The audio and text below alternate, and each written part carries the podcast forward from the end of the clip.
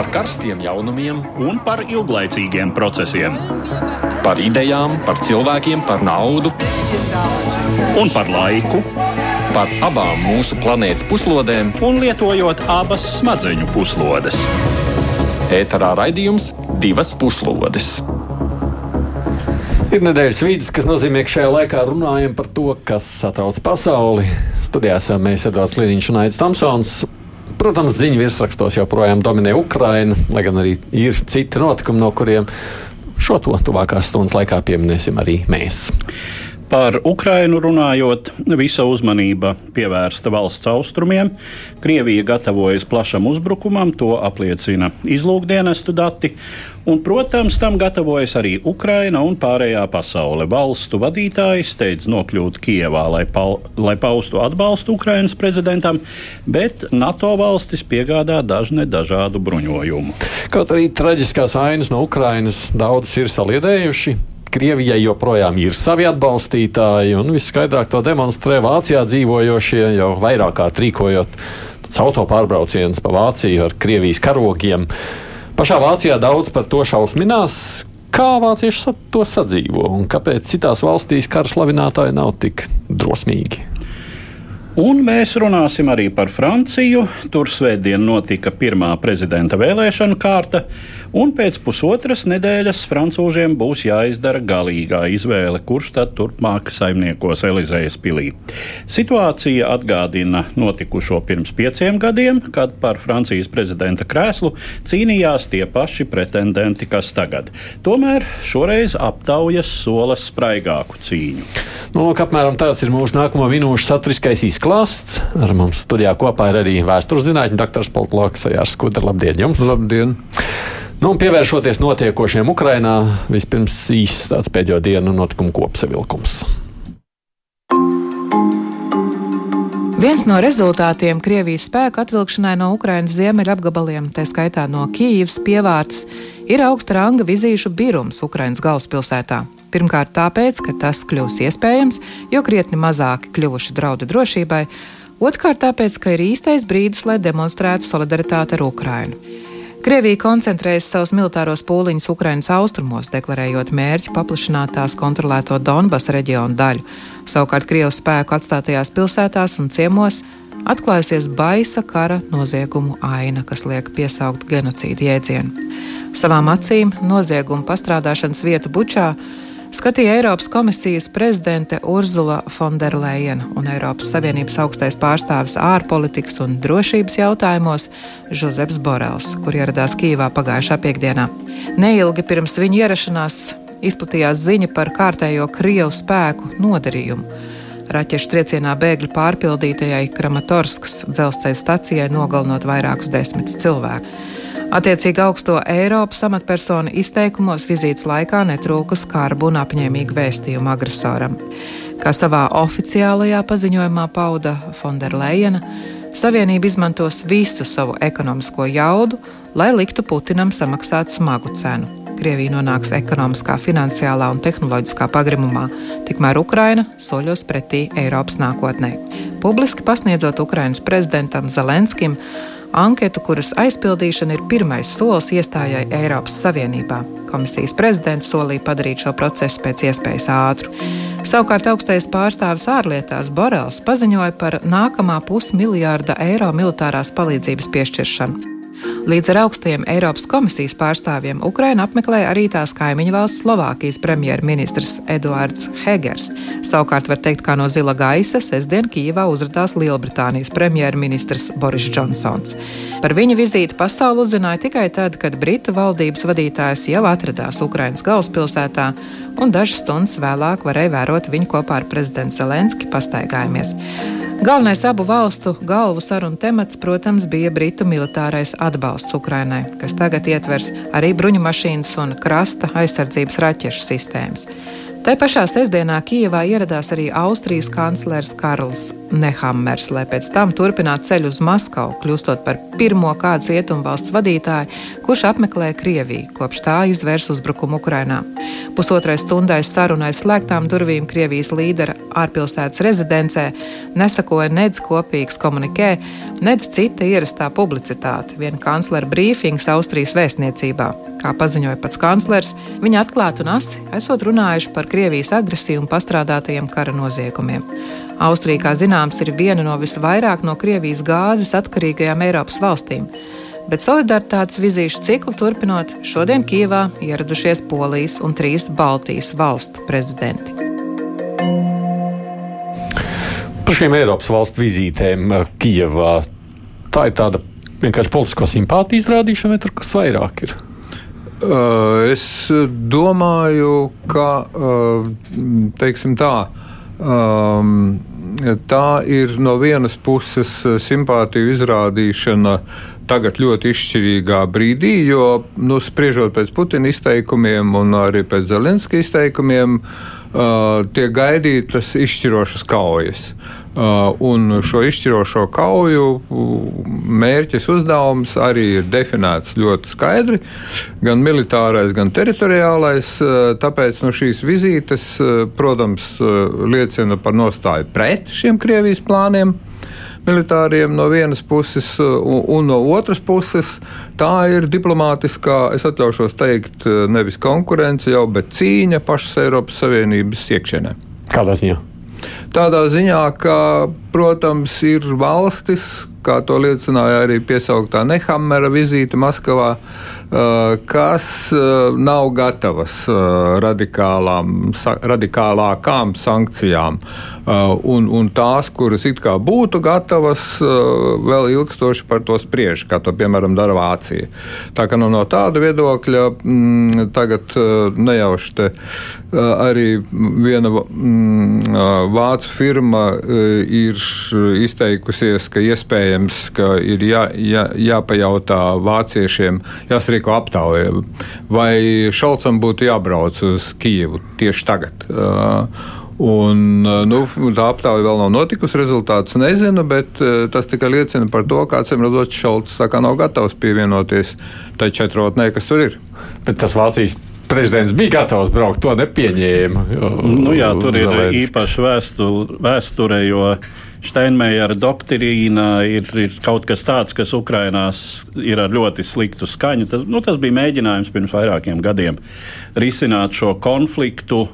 Uh, teiksim, uz Minskas vienošanos pamata, un Minskas vienošanās tas ir kaut kas tāds, par ko Ukrainā ir ļoti priecīgi, ka tas ir nu, relatīvi priecīgi, cik var, cik var būt šajā situācijā, bet uh, nu, labi, ka tas ir beidzis uh, pastāvēt. Jo nu, tā tas arī domāju, bija, ka tas tika uzspiests Ukrainai brīdī, kad tās bruņotie spēki bija ļoti sliktā situācijā, kad uh, Krievija, um, nu, teiksim, izmantojot ļoti ierobežotus to brīdi resursus, no nu, Ukrainas austrumos, uh, lielā mērā darīja to, ko grib ar, ar Ukrainas eh, bruņotajiem spēkiem. Tur bija milzīgi upuri, nu, un tad Ukraina piekāpās. Eh, pieņemot šīs Minskas vienošanās, nu, kuras eh, nīkuļoja vairākus gadus, un tad dabīgā kārtā nomira. Um, nu, un un Steinmeier kungs bija viens no tiem, kurš tobrīd Vācijas ārlietu ministra nu, statusā jā, tas, um, nu, tā kā mēģināja uh, iepūst jaunu dzīvību un, un mazliet uzlabot šo uh, nu, teiksim, tā jau pusdzīvu dzimušo bērnu. Ja? Nu, ne tikai Mīnska iespējams, es, bet vispār es, man te kolēģis saka, ka Vācijas presē esot nu, tādi, nu, tādi nu, ne, ne, bišķi, tā kā neapvainojušies, bet nu, apmēram tā, nu redz kā. Nē, žurnāla Tā Spīgala raksta tiešā tekstā šodien savā preses apskatā, ka ir atskanējušas, nu, viņi gan nesauc uh, tos nosaukumus, gan žurnālistus, atskanējušas mēdījos balsis par to, ka vajadzētu izraidīt Ukrainas vēstnieku no Vācijas. Mm -hmm. nu, pārcentās, ja pasteidzās, ja nepareizi izrīkojās Ukraiņi. Uh, nē, es domāju, ka nu, sauksim uh, lietas teikt, īstajos vārdos, kara apstākļos. Tā ir vienkārši rēķinu kārtošana, tā, izmantojot uh, situāciju. Un, protams, ka tās aprindas, kas atbalsta Zelenski un ir apcietinājušas Medvečuku, kuru gatavojas apmainīt pret gūstekņiem. Tātad tas ir prokrieviskās opozīcijas līderis Ukrainā, jā, jā. Mm, kas bija tā kā mm, paslēpies mazliet un, un, kā var saprast, intensīvi tur mēģināja kaut ko organizēt, tāpēc arī viņu mediju un samedīja beidzot.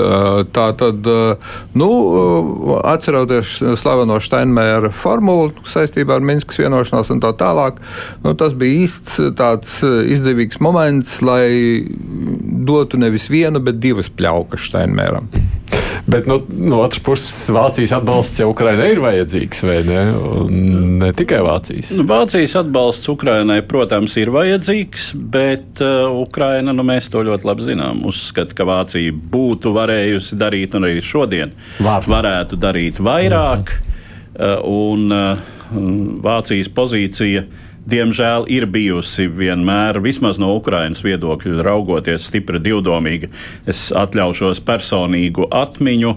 Tad, kad pirms dažiem gadiem es biju Kijevā, tad liel, lielveikala plauktā bija arī vairākas alus šķirnes kuras eh, raksturoja Ukrainas sabiedrības attieksmi pret dažiem rietumu līderiem, un starp pāris citām tur bija arī alus šķirne, kas saucās Frau Ribbentrop, un uz etiķetes bija Angelas Merkeles šaržēts attēls. Mm. Bet, ja skatāmies kopumā uz to visu, nu, pabeidzot tikai to Vācijas stāstu, nu, kā tad būs Šalts beigās brauks, nebrauks? Tā tad, nu, es domāju, ka teiksim, ir viens jautājums, kuru Šalts vakar ir apspriedis ar Vācijas uzņēmēju pārstāvjiem. Vācijā nu, ir tāds starptautiski labi zināmais akciju indeks DAX, un šajā, šī, šo indeksu veidojošo uzņēmumu valžu priekšsēdētājus vakar Šalts pieņēma un apsprieda Eh, vienīgi un tikai jautājumu par karu Ukrainā. Mm, tātad zīmīgi ir tas formulējums, tātad karš Ukrainā, nevis Krievijas karš Ukrainā. Tātad karš Ukrainā, bet uh, būtisks ir teikums tajā preses relīzē pēc tikšanās, uh, ka visi uzņēmēji tur nav teikts, ka kāds būtu iebildes. Visi ir atbalstījuši sankciju politiku. Mm. Tas, ko. Uh nu, tie rietumu vadītāji tur ieraudzīja, jo viņi liela daļa dodas arī uz buču un apskatās visas tās dramatiskās ainas, ko mēs redzam uh, televīzijas ekrānos. Tas palīdz šiem nu, val, nu, rietumiem kļūt striktākiem, nu, kā viņus emocionāli ierašanās bučā nu, tas ir tāds simbolisks žests lielā mērā, lai gan, protams, tas piešķir papildu pārliecību tam, kā viņi rīkojas un kādus lēmumus viņi pieņem. Uh, es domāju, ka tas ļoti labi iekļaujas vispārējā publiskās mm, uzvedības kopējām uzturī, kāds, uh, kāds mhm. šobrīd veidojas. Uh, teiksim, rietumu šais solidaritātes braucienos tie tā arī mm, tiek dēvēti kā tiešām solidaritātes braucieni. Mm, un, nu jā, tas, tas ir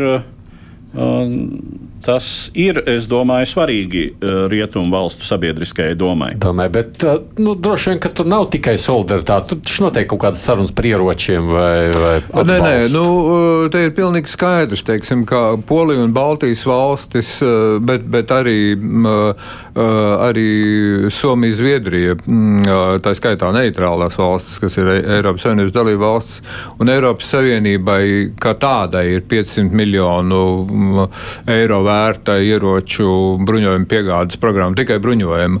Amerikāņi kopš 24. februāra ir piegādājuši par pusotru miljārdu uh, dolāru ieročus uh, Ukrainai un turpina to darīt joprojām. Tā skaitā uh, um, iespējams stipri modernu bruņojumu, uh, kas izmantojams uh, tā tad uh, pretanku un, un, un arī pret, pretraķešu vajadzībām un mērķiem. Tā kā es domāju, ka tiesa gan nekur tā necenšas publicēt tos, tos sarakstus, saprotam, iemeslu dēļ, kuras valsts tad nepiegādā tos ieročus bez Ungārijas, par ko ir pilnīgi droši zināms un kuru publiski to pat ir paziņojis. Tā kā es domāju, kas attiecas uz bruņojumu, ko Zelenskis nemitīgi pieprasa visās savās uzrunās saistībā ar uzrunātajiem parlamentiem, es domāju, ka šīs bruņojuma piegādes var izrādīties kritiski svarīgas, lai Putins nesasniegtu savus militāros un politiskos mērķus Ukrainas austrumos. Jā, bet, ja starp citu runājam par šīm ieroču piegādēm, nu šajās nedēļas laikā mēs redzējām tādu mazliet vildošanos ap Slovākiju, kur tur piegādāja, un tad tur Krievi teica, nē, mēs jau to iznīcinājām. Nē, Slovāki saka, nē, nē, viss kārtībā darbojās. Bet būtībā jau Slovākija tā viena no retiem, kas vispār saka, ko viņi piegādā, un tā amerikāņi vēl to dara. Bet viena daļa valsts vai nu klusē, vai pakluso dod, vai īpaši neafišē. Es kāpēc nu, Slovākija par to skaļi runā, citi nē. Tāpēc tā. Slovākijā ir ieradušies nulle šonadēļ 600 papildus ASV karavīru. Jā. Nu, Jā. Manuprāt, jau piegādā gan. Man liekas, ka piegādā. Un, ne, ne, respektīvi, ka, eh, ka saka arī pietiekami daudz. Uh, nu, nav. Es, es katrā ziņā neesmu nekur redzējis, un tas, nu, tas nu, diez vai būtu tā, ka principiāli jaunu ieroču veidu, nu, teiksim tā, Uh, ja Ukrainā parādītos Abrams tanki, tad to nevarētu nepamanīt. nepamanīt. nu, jā, kāds, kāds noteikti nofotografētu un izliktu pat tad, ja uh, teiktu, ka mm, to nedrīkst, nu mēs apmēram zinām to, kas Ukrainai tiek dots uh, cik lielā skaitā jā, šie S-300 pretgaisa aizsardzības kompleksi. Tas ir uh, nu, kaut arī samērā vecs, tas ir vēl padomju laika izstrādājums, bet tas ir mm, salīdzinoši daudz, kaut kas daudz jaudīgāks nekā tie pārnēsājumie eh, kompleksi, kas ir Stingera un, un Britu šis. Eh, kā nu viņš saucās, Star Strike, ja, ja atmiņa nebija. Um, un, uh, nu, tātad pirmie tanki, arī padomju tanki no Polijas, ja, un bruņmašīnas. Uh, salīdzinoši jaunas un mēs kvalitatīvas. Mēs redzēsim, jūs prāt, arī nu, tādas, nu, līdzīgi kā Slovākija, kaut kādus skaļākus paziņojumus un lielākus tuvākajās nedēļās, dienās. Uh, es, es domāju, ka nē, jo, jo teiksim, salīdzinot ar tām, uh, teiksim tā, ar, ar pirmo kara nedēļu, ja, uh, NATO valsts ir pārstājušas stāstīt par to, kad viņas piegādās, ko viņas piegādās. Mm. Tas ir saprotams, jo, jo, jo Krievija, protams, cenšas iznīcināt tās kravas Ukrainas robežas tūmā, nu, Ukrainas teritorijā. Nu, protams, tā kā, tā kā var sakot, Eh, visādā ziņā ir, ir pilnīgi skaidrs, teiksim, ka, ka eh, es pēc, pēc, pēc tādiem aptuveniem, aptuvenām aplēsēm es teiktu tā, ka kopš 24. februāra tās ieroču piegādes no uh, gan neitrālajām, gan NATO valstīm galvenokārt, tur, protams, ir amerikāņi absolūtie līderi viennozīmīgi.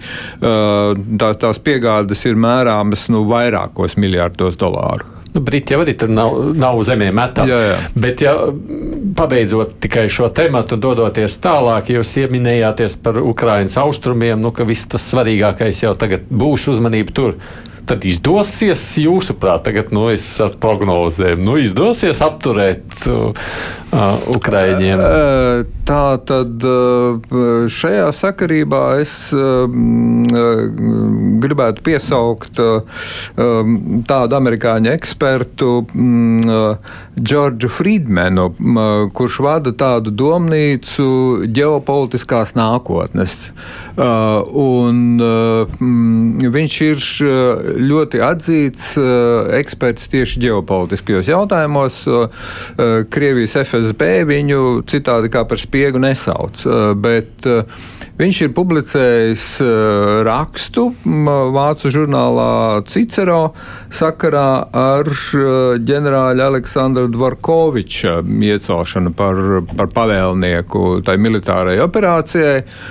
Un, uh, un, viņš uh, brīdina, ka, nu, mēs neskatāmies pārāk vienkāršoti uz, uh, uz to militāro operāciju, es minēšu tikai divus aspektus. Pirmais aspekts tātad Dvorkovičs mēģinot lietot savu Sīrijas praksi, kur viņš iznīcināja pilsētas un galvenokārt vērsās pret civiliedzīvotājiem, galvenokārt pret karotāju ģimenes ģimenes locekļiem. Mm, tā tad, un tāpēc Friedmans savam rakstam ir devis nosaukumu mm, masu slepkavību eksperts šim rakstam par Dvorkoviču. Un viņš uzskata, ka acīm redzot tieši tādu taktiku Dvorkovičs lietos arī sākot no Harkovas un beidzot iespējams potenciāli pat līdz Odesai. Ja? Bet nu, pagaidām izskatās, ka tā Hersona ir tas, tas, tas galīgais dienvidu punkts. No vienas puses, un līdz ar to, protams, jau tagad ir parādījušās ziņas, ka Hersonas apgabalā tur mēģina mobilizēt un piespiest teikt, Ukraiņus karot uh, pret Ukraiņiem, uh, kas, kas arī iedarās nu, tajā Dārkoviča izpratnē par to, kā tās operācijas ir īstenojamas.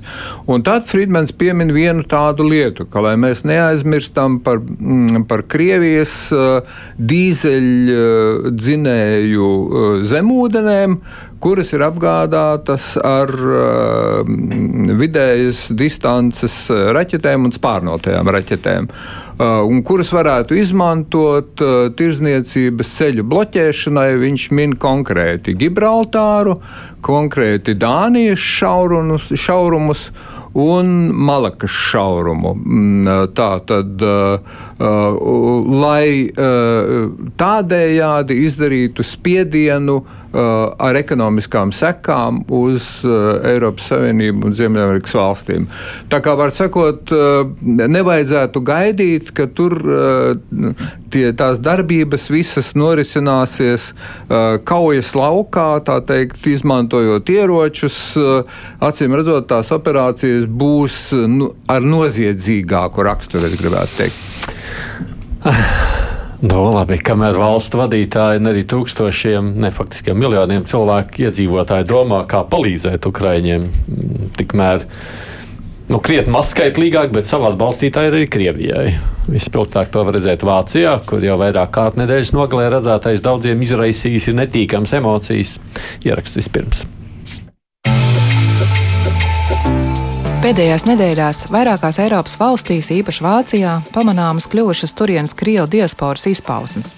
Berlīnē, Frankfurtē, pie Mainas, Hannoverē un Študgardē turienes krievi sarīkojuši gājienus vai autokolonu braucienus. Rīkotāji apgalvo, ka mērķis esot protestēt pret rusofobiju un diskrimināciju, kuru Vācijas krievi piedzīvoja kopš viņa dzimteni izvērsus militāro agresiju pret Ukrainu.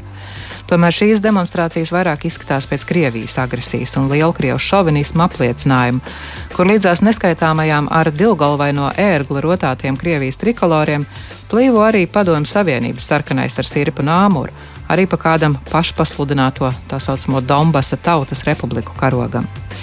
Bēdīgi slavenos Z un V burtus gan nācies novākt. To publisku izmantošanu Vācijas valdība ir aizliegusi. Sevišķu sašutumu Vācijas sabiedrībā izpelnījies Krievu autokolonas brauciens pa Berlīnu 3. aprīlī. Dienā, kad izpaudās ziņas par Krievu spēku briesmu darbiem Bučā. Vairākos gadījumos līdztekus notikušas arī Ukrainas atbalstam rīkotas kontrademonstrācijas. Šobrīd Vācijā dzīvo apmēram 1 200 tūkstoši Krievu un apmēram 650 tūkstoši ukrāņu, no kuriem te puse ir pēdējā mēneša laikā ieradušies Ukraiņas kara bēgļi. Kopš Krievijas agresijas eskalācijas pagājušās nedēļās esot fiksēti nepilni 400 pret krieviem vērstu un nepilni 200 pret ukrāņiem vērstu pretlikumīgu nodarījumu, no kuriem daži desmit saistīti arī ar fiziskiem uzbrukumiem. Es atgādinu, ka mums šeit kopā studijā ir arī politologs Ejārs Skudrs, protams, arī mēs ar Eduardu Liniņu. Ne, mums cilvēki Latvijā šeit ir nikni pat tad, kad tikai tiek kāds intervēts, nepārāk labvēlīgi izteicies, kurš ir par Ukraiņiem, bet lūk, Vācijā te tāda. Vācijā parāde. šai ziņā ir iestrādātas tradīcijas. Brīvība, demokrātija? Ne tik daudz. Vācu, vācu tautas vēsturiskā vaina um, otrā pasaules kara dēļ. Uh, tā ir transponēta pirmām kārtām uz krievu tautu.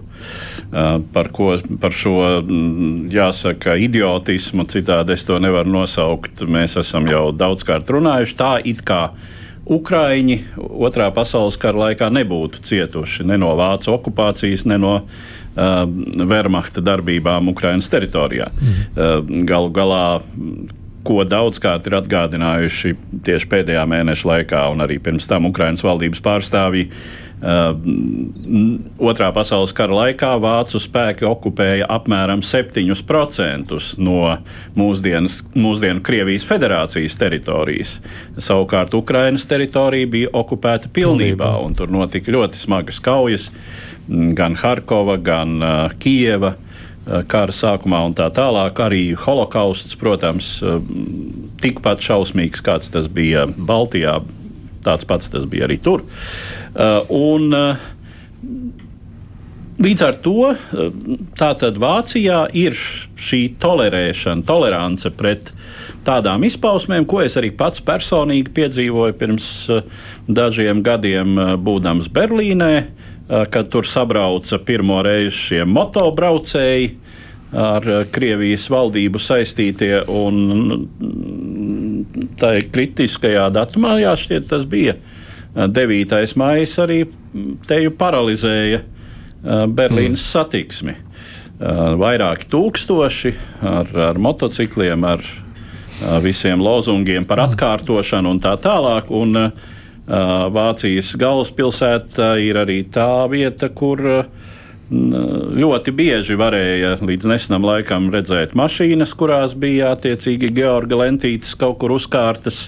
Nu, ne tā, ka ļoti bieži, mm. bet uh, esot dažu labu reizi Vācijā, uh, Berlīnē tieši. Um, Katru, katru reizi man jāsaka, es kādu redzēju. Kādi. Nu, labi, reiz par Berlīnu runā. Mēs esam sazinājušies šobrīd Vācijā latviešu mācītāju tālu Redmanu, kurš dzīvo Berlīnē, bet nu, darbojas ne tikai Berlīnē vien. Uh, halo, Redmankungs, labdien! Jā, halo, labdien! Ar kādām sajūtām jūs nu, uztverat šīs uh, ziņas par Krievu rīkotajām demonstrācijām?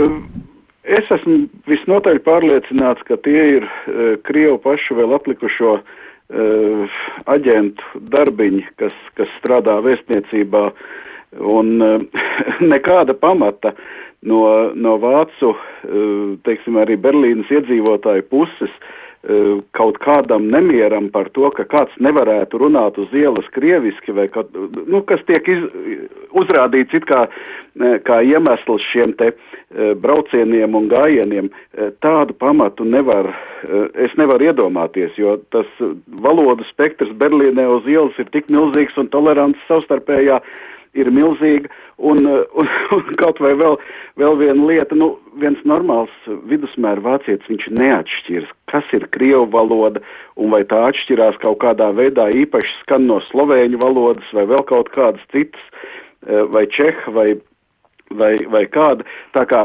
teikt, ka krievi tiek īpaši pazemoti un, un nedrīkst vairs uz ielas runāt eh, Vācijā, nu tas ir kaut kāds izdomāts murks vienkārši, Un, eh, un, un tas ir tikai tāds iegansts, eh, meklēts, un, un, un ja varbūt tas eh, cilvēks uz ielas vai pulciņš ir izgājis ar, ar košiem trikoloru treniņtērpiem, kur lieliem burtiem rakstīts virsū Rasija, un, un viņam ir tēkrekls ar, ar puķina attēlu, nu, un tad viņi tur skaļi paši ņemās savā starpā, nu, varbūt kāds viņiem pieies klāt un teiks, nu, nevajag tā darīt, ja, bet tas iemesls ir izdomāts, tas ir šo pašu speciālo aģentu veidots ar, manuprāt, divēju tādu e, to e, pēc tam izmantojumu. Tas viens ir iekšēji Krievijā, lai uzrādītu Krievijas cilvēkiem, redziet, visur citur pasaulē arī mūsējie mūs atbalsta,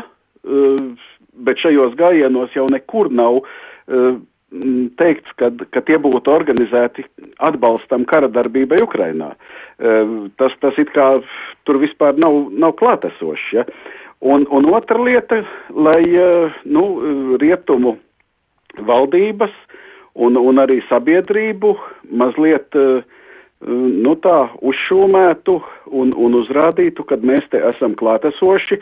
Un, nu, kaut vai Berlīnē jau tīri pēc statistikas apmēram 10% legāli no visiem pilsētas iedzīvotājiem ir Krievijas pasas kabatā. Mm -hmm. Tā ir mhm. tāpēc, ka un, un, un visa Berlīnas mūra situācija. A, ko paši vācieši saka par notiekošo visu šo? Nu, diezgan maza interese.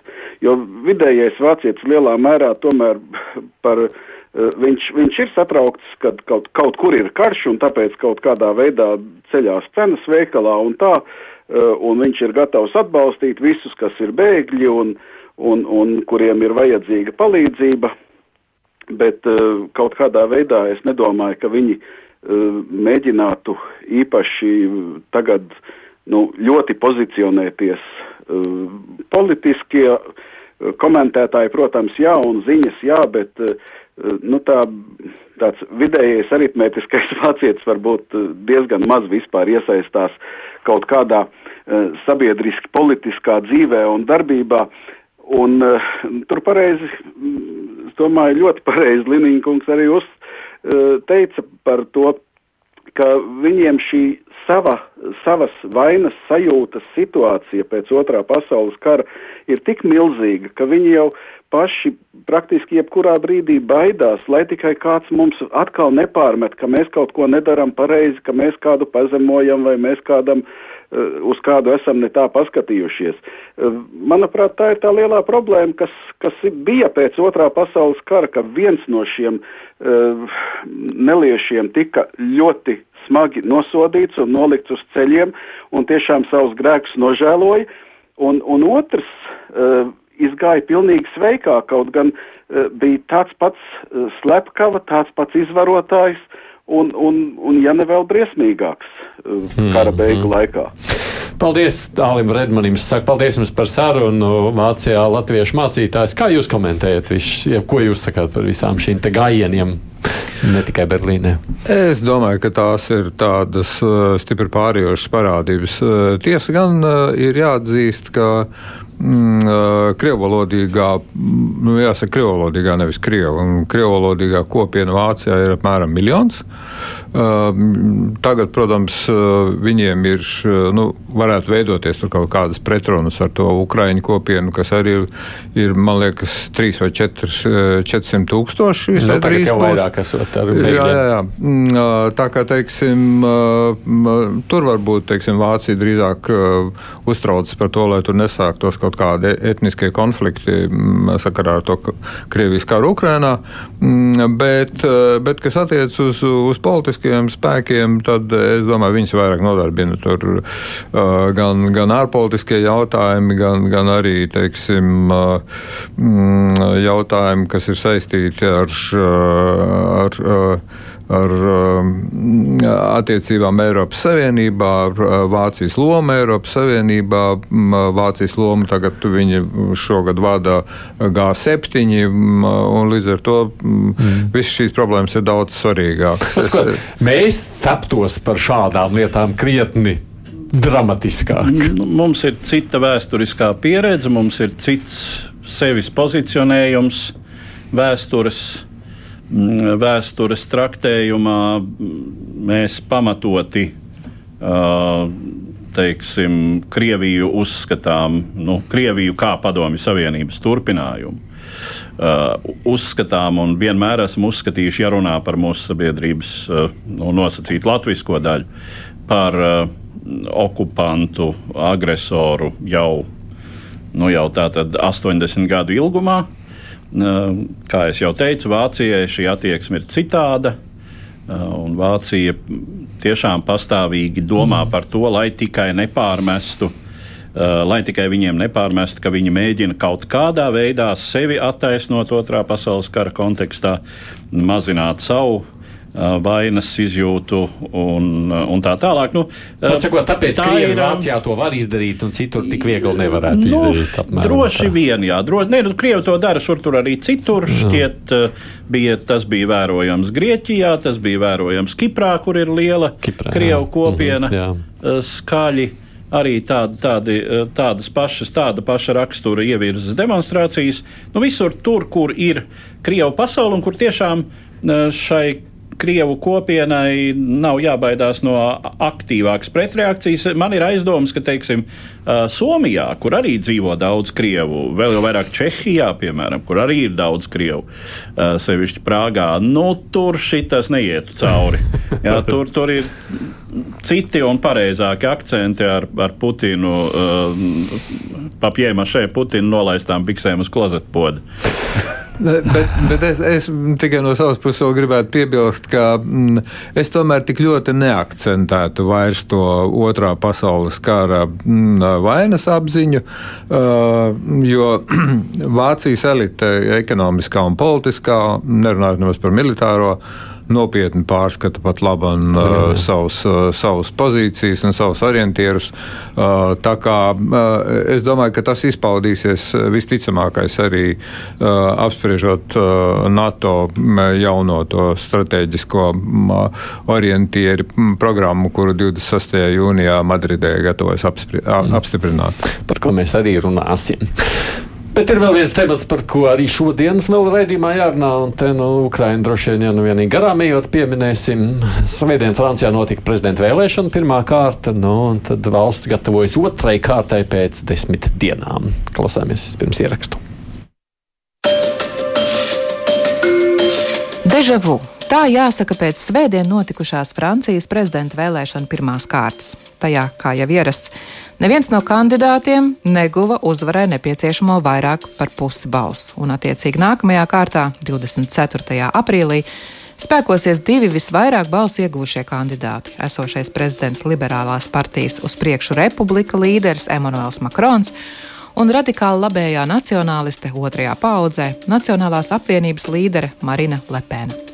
Un tā ir situācija, kas tieši atkārto iepriekšējo 2017. gada prezidenta vēlēšanu pieredzi. Populārākais kreisā spārna pārstāvis partijas nepakļautā Francija līderis Žants Liks Melanšons palicis trešais.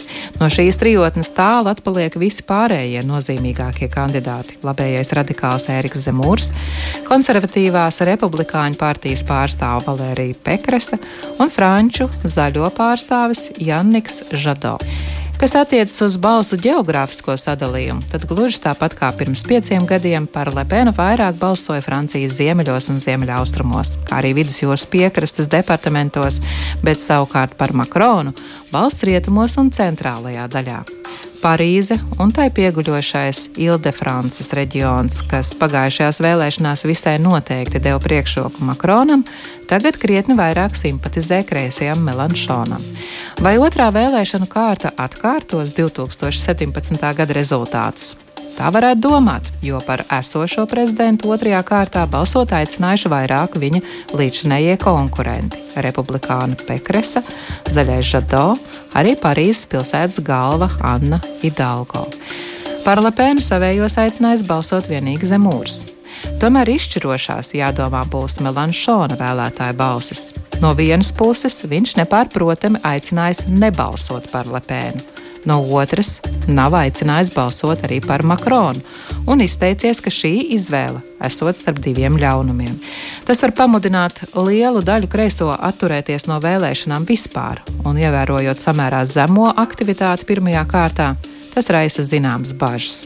Kā Briselē, tā Vašingtonā 24. aprīli gaida nervozi, jo Francijas varas grožu iespējamā nonākšana mērenās eiroskeptiķis un kara noziedznieka Putina simpatizētājas Lepēnas rokās šķiet visai draudoši. Savukārt politologi secina, ka arī Francijā, tāpat kā daudz viet citur Eiropā, tradicionālo politiskā spektra dalījumu labējos un kreisajos pamazām nomaina eiro centrēto un eiroskeptisko, nacionāli orientēto spēku opozīciju. Divas puslodes. Te balss sadalījumā pēc pirmās kārtas, tad, tad nu, vismaz proporcionāli līdzīgi kā pirms pieciem gadiem. Nu, vienīgi abiem kandidātiem salīdzinoši vairāk vienkārši tādā ziņā.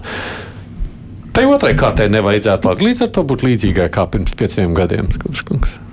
Tā otrā kārta nebūs līdzīga kā pirms pieciem gadiem. Tā atstarpe būs krietni mazāka starp Lepenu un Makronu. Mm, Kāpēc?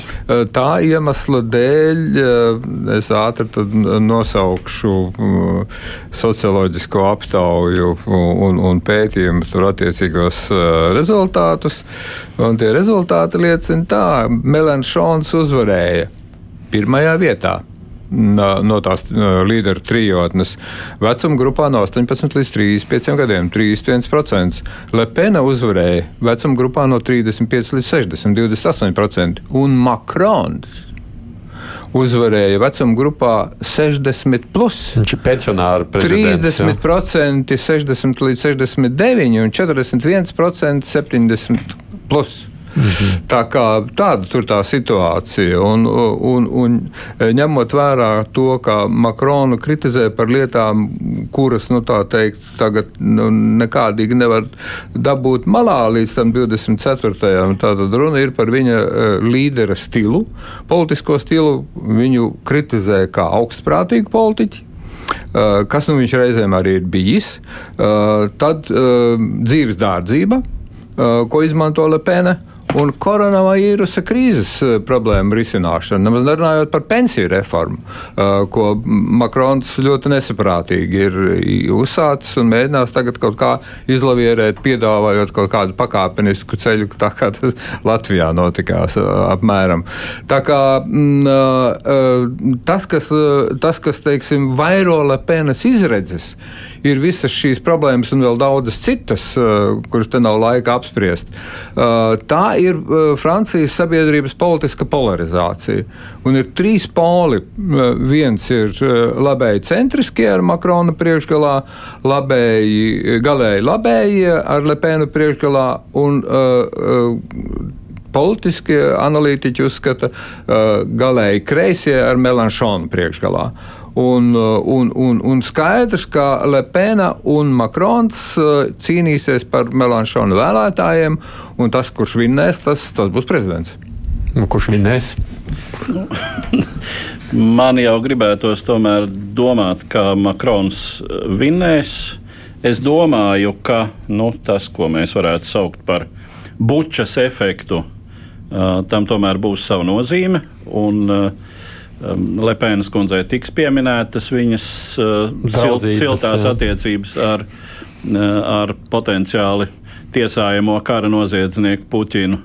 Uh, un, um, tas ir viens, nu, un otrs arī tiešām tas, ka es domāju, arī pat tiem kreisajiem kas ir Melanšona elektorāts, eh, kā jau Skudrs kungs arī norādīja, diezgan radikāli kreisie. Jo uh, sociālistiem, kas ir nu, tradicionālie, tradicionālā sociālistu partija, kas vēl līdz nesenam laikam Francijā bija gana spēcīga, tiem ir palicis samērā maz vēlētāji, un tie ir aizgājuši droši vien, ka daļa daļa pa labi pie Makrona visdrīzāk, un daļa pa kreisi pie Melanšona. Bet nu, Melanšona elektorātam tomēr balsot par Lepēnu, kuru viņi uzskata nemazāk kā par fašistu, es domāju, būtu krietni nepieņemamāk. Cita lieta, ka jā, ka viņi varētu, varētu arī neaiziet uz tām vēlēšanām. Mm.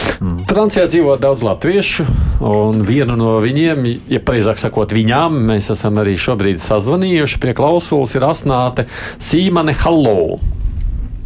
Labdien! Labdien! Prieks jūs dzirdēt! Kurā, lai mēs saprastu, kurā Francijas daļā jūs dzīvojat? Es dzīvoju dienvidu daļā, Arlāks, kas ir pilsēta ļoti netālu no Marsejas, tā kā ļoti netālu no uh, no Melanšona um, cienītāju centra un, un vispār, teiksim, viņa tāda, uh, nu, viņa, tā kā viņš ir zināmā mērā bāzēts Marseļā, tad, uh, nu jā, tad mūsu apkārtnē ir daudz Melanšona. Nu, izstāstiet par tām sajūtām, ko jūs dzirdat apkārtnē, ko jūs sajūtat te gaisā. Ļoti, ļoti dažādas vēsmas. Un man jāsaka, es domāju, ka iepriekšējais runātājs ļoti labi rezumēja situāciju, bet, teiksim, tādas vēsmas sabiedrībā ir ļoti atšķirīgas un, un ļoti atkarīgs, uh, kurā, kādā, teiksim, sabiedrības uh, daļā mēs apgrozamies un ar, ap kādiem cilvēkiem. Es, teiksim, personīgi strādāju Uh, kultūras jomā, un, teiksim, kultūra Francijā vispār vēsturiski un kultūrāli vienmēr ir bijusi kreisi, uh, kreisi noskaņota.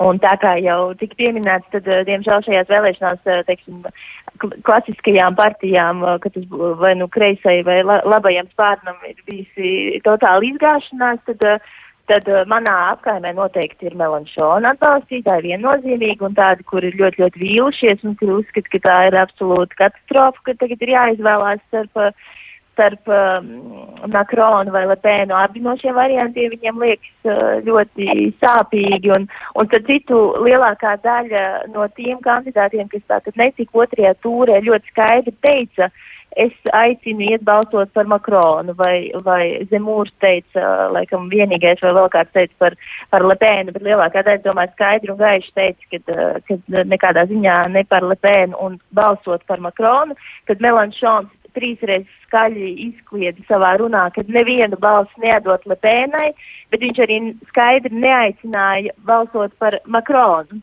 Un tas arī ļoti skaidri parāda to uh, to duālo situāciju, kur tiešām viņa vēlētāji ir grūti prognozēt, kā, kā viņi rīkosies un vai viņi vispār varbūt tad nebalsos, jo viņiem Makrons nav, nu, teiksim, es domāju, tāda vienkārša un loģiska, loģisks risinājums vai, vai iespēja šajā situācijā. Tā kā, Nu jā, ļoti, Mājās ļoti, ļoti, sēdēšana varētu arī notikt, vai ne? Bet vispār tā interese par vēlēšanām ir. Nu, Nu, jā, Francija ir ļoti politiska valsts un, un eh, teiksim, uh, Uh, tomēr arī es gribētu teikt, ka jebkurā sabiedrības slānī un, un jebkurā ģimenē un draugu kompānijā agrāk vai vēlāk sarunas no, no, grozās ap politiku un šobrīd jau, un, protams, ir īpaši. Protams, ir kaut kādi cilvēki, kas ir absolūti apolitiski un kuri, teiksim, vispār uzskata, ka tāpatās nav nekāda jēga balsot un tam līdzīgi. Tam līdzīgi, bet kopumā es teiktu, ka Francijas sabiedrība ir tomēr ļoti interesēs par politiku un aktīvi iesaistās ar, ar savu viedokļu paušanu. Tā kā interesi ir un nu, situācija ļoti līdzīga kā pagājušo reizi starp Makronu un Lepēnu. Vienīgi, protams, tā liela atšķirība ir tāda, ka Makrons ir bijis pie varas. Un ir cilvēki, kas, uh, teiksim, tieši viņu atbalsta un vērtē un, un pateicis viņam, teiksim, par to, ko viņš ir darījis šo gadu laikā, kur tiešām viņam bija jā, jāsaskarās ar ļoti daudz uh, smagām krīzēm. Uh, Un ir tādi, kas uzskata, ka, eh, nu, ka viņš ir absolūti jau diskreditējis un ka tieši tāpēc, eh, nu, teiksim, iespēja par viņu balsot vēlreiz šajā kontekstā, nu, kas būtu it kā, lai, lai izvairītos no Lepēnas nākšanas pie varas, jebkurā gadījumā ir uh, nepieņemams variants. Tu, tur ir tā lielā problēma. Tur ir tā lielā problēma, ka ir grūti prognozēt, vai būs pietiekoši to, kas, uh, kas ir kas tā, tā vārdā, lai, lai bloķētu ceļu Lepēnai, tomēr ies nobalsot par viņu. Es domāju, ka šoreiz tas ir tas riskantais uh, balans, kas viņam ir jārod. Mm -hmm. Paldies, Asnāti! Asnāti Sīmeni, kur mēs sazvanījām Francijā, nu, kā jūs dzirdat, netālu no Marseļas dzīvojoši. Kas tad beigu beigās būs tie atslēgu vārdi, kas liktu cilvēkiem izšķirties, jūsuprāt? Uh, tā, nu, vispirms vakardienas. Uh, Europe Elects prognoze. Makrons 53,4, Lepena 46,6. Tā kā no tāda tuvu, jā, tuvu bet, bet, bet pietiekami tālu, lai sirds būtu mierīga. Tas no vienas puses. Tā tad izšķirs, manuprāt, divi faktori. Cik liela daļa aizies uz vēlēšanām? Pirmajā kārtā mm -hmm. 72,1%. Kas ir diezgan daudz vispār. Tas, tas, ir, tas, tas, tas, ir, tas, tas, ir, daudz. tas ir viens no viszemākajiem rādītājiem 21. gadsimtā Francijā. Tā, tad, kas tikai liecina par to, ka viņi ļoti apzinās, ka viņi ir vara un, un deleģē varu un tā tālāk. Un, un otrs izšķirošais faktors bez līdzdalības vēlēšanās būs 20. aprīļa televīzijas debatas tiešraidēs starp abiem kandidātiem. Tas būtu svarīgi, tomēr domājat, jā. Izšķiroši. Mm. Piemēram, tāds Ukraiņas vai vispār, cik tavuprāt tas starptautiskais jautājums vispār tajā cīņā lomu spēlē. Tur, tur teica, pieminējis Lepēnai draudzību ar Putinu. Cik tas Ukraiņiem, Frančūžiem vispār svarīgi? Nu, ja ievēro, ka iepriekšējo vēlēšanu uh, Makrona veiksmes atslēga tomēr galvenā bija uh, viņa uzstādījums padarīt Franciju par Eiropas idejiski vadošo valsti, veidot jauna līmeņa politiskās attiecības Eiropā. Uh, nu, nav tā, ka šī, uh, šī programma, šis uzstādījums vairs nevienu neuzrunāt. Es domāju, uzrunā joprojām, un varbūt daudzus vēl aktuālāk, ņemot vērā to, kas šobrīd notiek Eiropā, un arī tas, ka, um, nu, teiksim tā, protams, kancleram Šolcam Eh, pietrūkst eh, lielā mērā, eh, nu, vismaz vēl gadu gaitā uzkrātā politiskā svara, kāds bija kanclerei Merkelei. Un, ja tā francūzis domā par to, kāda ir kā izskatīsies šis Eiropu lielā mērā tomēr velkošais tandēms Vācija-Francija, tad viņu līderim patiešām ir lielas iespējas apliecināt sevi kā lielā mērā Eiropas, uh, Eiropas uh, ideiskajam uh, virzītājiem. Bet es esmu arī dzirdējis reizēm, jā, turpinot, ka nu, kādreiz jau saka, francūži, vismaz man kolēģis sacīja, francūži varbūt pārmet Makrons par daudz domājis tikai par Eiropu un mazāk par mūsu pašu, nu, savu francūžu. Jā, tas ir, tas ir Lepenis jājams zirdziņš, un kā redzams, viņa labi jāja. Jā. Tā, tad, um, tā ir viena lieta. Otra lieta - neaizmirsīsim, ka mm, uh, tā teikt, Makrona pozīcijas. Uh, es personīgi uzskatu, ka viņš uzvarēs vēlēšanās. Uh, un, un es uzskatu, ka viņš labi startēs arī 20. aprīļa televīzijas debatēs. Bet, no, bet, Uh, kas ir daudz būtiskāk Makronam uh, un arī mums. Uh, tas ir Francijas parlamenta apakšpalātas vēlēšanas jūnijā. Pēc tam, jā. jā un, un, un ir skaidrs, ka, ka tur gan Makrona partija neuzvarēs. Viņai būs nepieciešami sabiedrotie un var izrādīties, ka ja būs tā kā prezidenta vēlēšana pirmajā kārtā, kad absolūtais vairākums vēlētāju, vairāk nekā puse no tiem, kas piedalījās vēlēšanās, no tiem 72%, vairāk nekā puse nobalsoja par uh, anti-establishmentu, Tātad pret eliti, pie varas esošās elites daļas, pret, pret viņiem. Kas ir, kas ir Nobalso... gan Lepēna, gan Melanšons? Jā, Melanšons un Zemūrs, protams, arī. Ja? Tātad vairāk nekā puse visu vēlētāju. Ja vairāk nekā puse visu vēlētāju nobalsos tieši tāpat arī parlamentu vēlēšanās, tad, nu, visticamākais, tad būs tāda valdība, kad, kā saka, Frančiem nāksies meklēt izēja bieži vien no, no strupceļa, jo, jo skaidrs, ka um, prezidents bez apakšpalātas atbalsta nu, nav spējīgs efektīvi strādāt. Jā, bet runājot starp citu, laikam mēs vispār nevarētu iztēloties tagad sākt apspriest, nu, kas notiks, ja tomēr uzvarēs Lepēnu. Nē, nu, to jau iztēlojas un to prognozē. Nu, teiksim tā, nu, tiek teikts, ka Lepēna Eh, protams, savu pašreizējo politisko Eh, kapitālu ir vairojusi ar to, ka viņi ir kļuvusi mazliet eh, mērenāka, viņi ir mm. notušējusi savu līdzšinējo eiroskepsi pirmām kārtām, jo uh, pirms kāda, pirms iepriekšējā cikla, faktiski pirms iepriekšējām vēlēšanām, viņi runāja par Frexitu, jā, mm -hmm, par, jā, jā. par iespējamu, un nu, arī, teiksim, tas viņas šī brīža jājām zirdziņš, kas joprojām ir viens no, tas ir Francijas aiziešana no NATO politiskās struktūras. Uh, nu, šobrīd arī diezgan problemātisks uzstādījums. Uh, nu, teiksim tā, tas uh, situācijas spaids varētu zināmā mērā neutralizēt, uh, vai, vai vismaz katrā ziņā tādas straujas pārmaiņas uh, varētu nebūt, bet, nu, protams, protams, tā būtu pavisam cita Francijas politika. Eh, es domāju, arī šobrīd, starp citu, Francija Ukrainai ļoti daudz ieroču vēl nepiegādā, mhm. bet nu, tad varētu būt teju vai tuvu Orbāna nostājai. Edvards Liniņš studijā un arī vēstures zinātņu doktors Polkloks Ejārs Skudra. Paldies jums Paldies. par atnākšanu. Nu, protams, arī es Aidis Tomsons. Producēja raidījumu Eviju un Āma. Nu, mēs tiksimies ētrā pēc nedēļas, lūkosim, kā tie notikumi būs risinājušies tālāk. Francijas prezidenta vēlēšanām, protams, mēs pievērsīsimies drīzāk pēc divām nedēļām.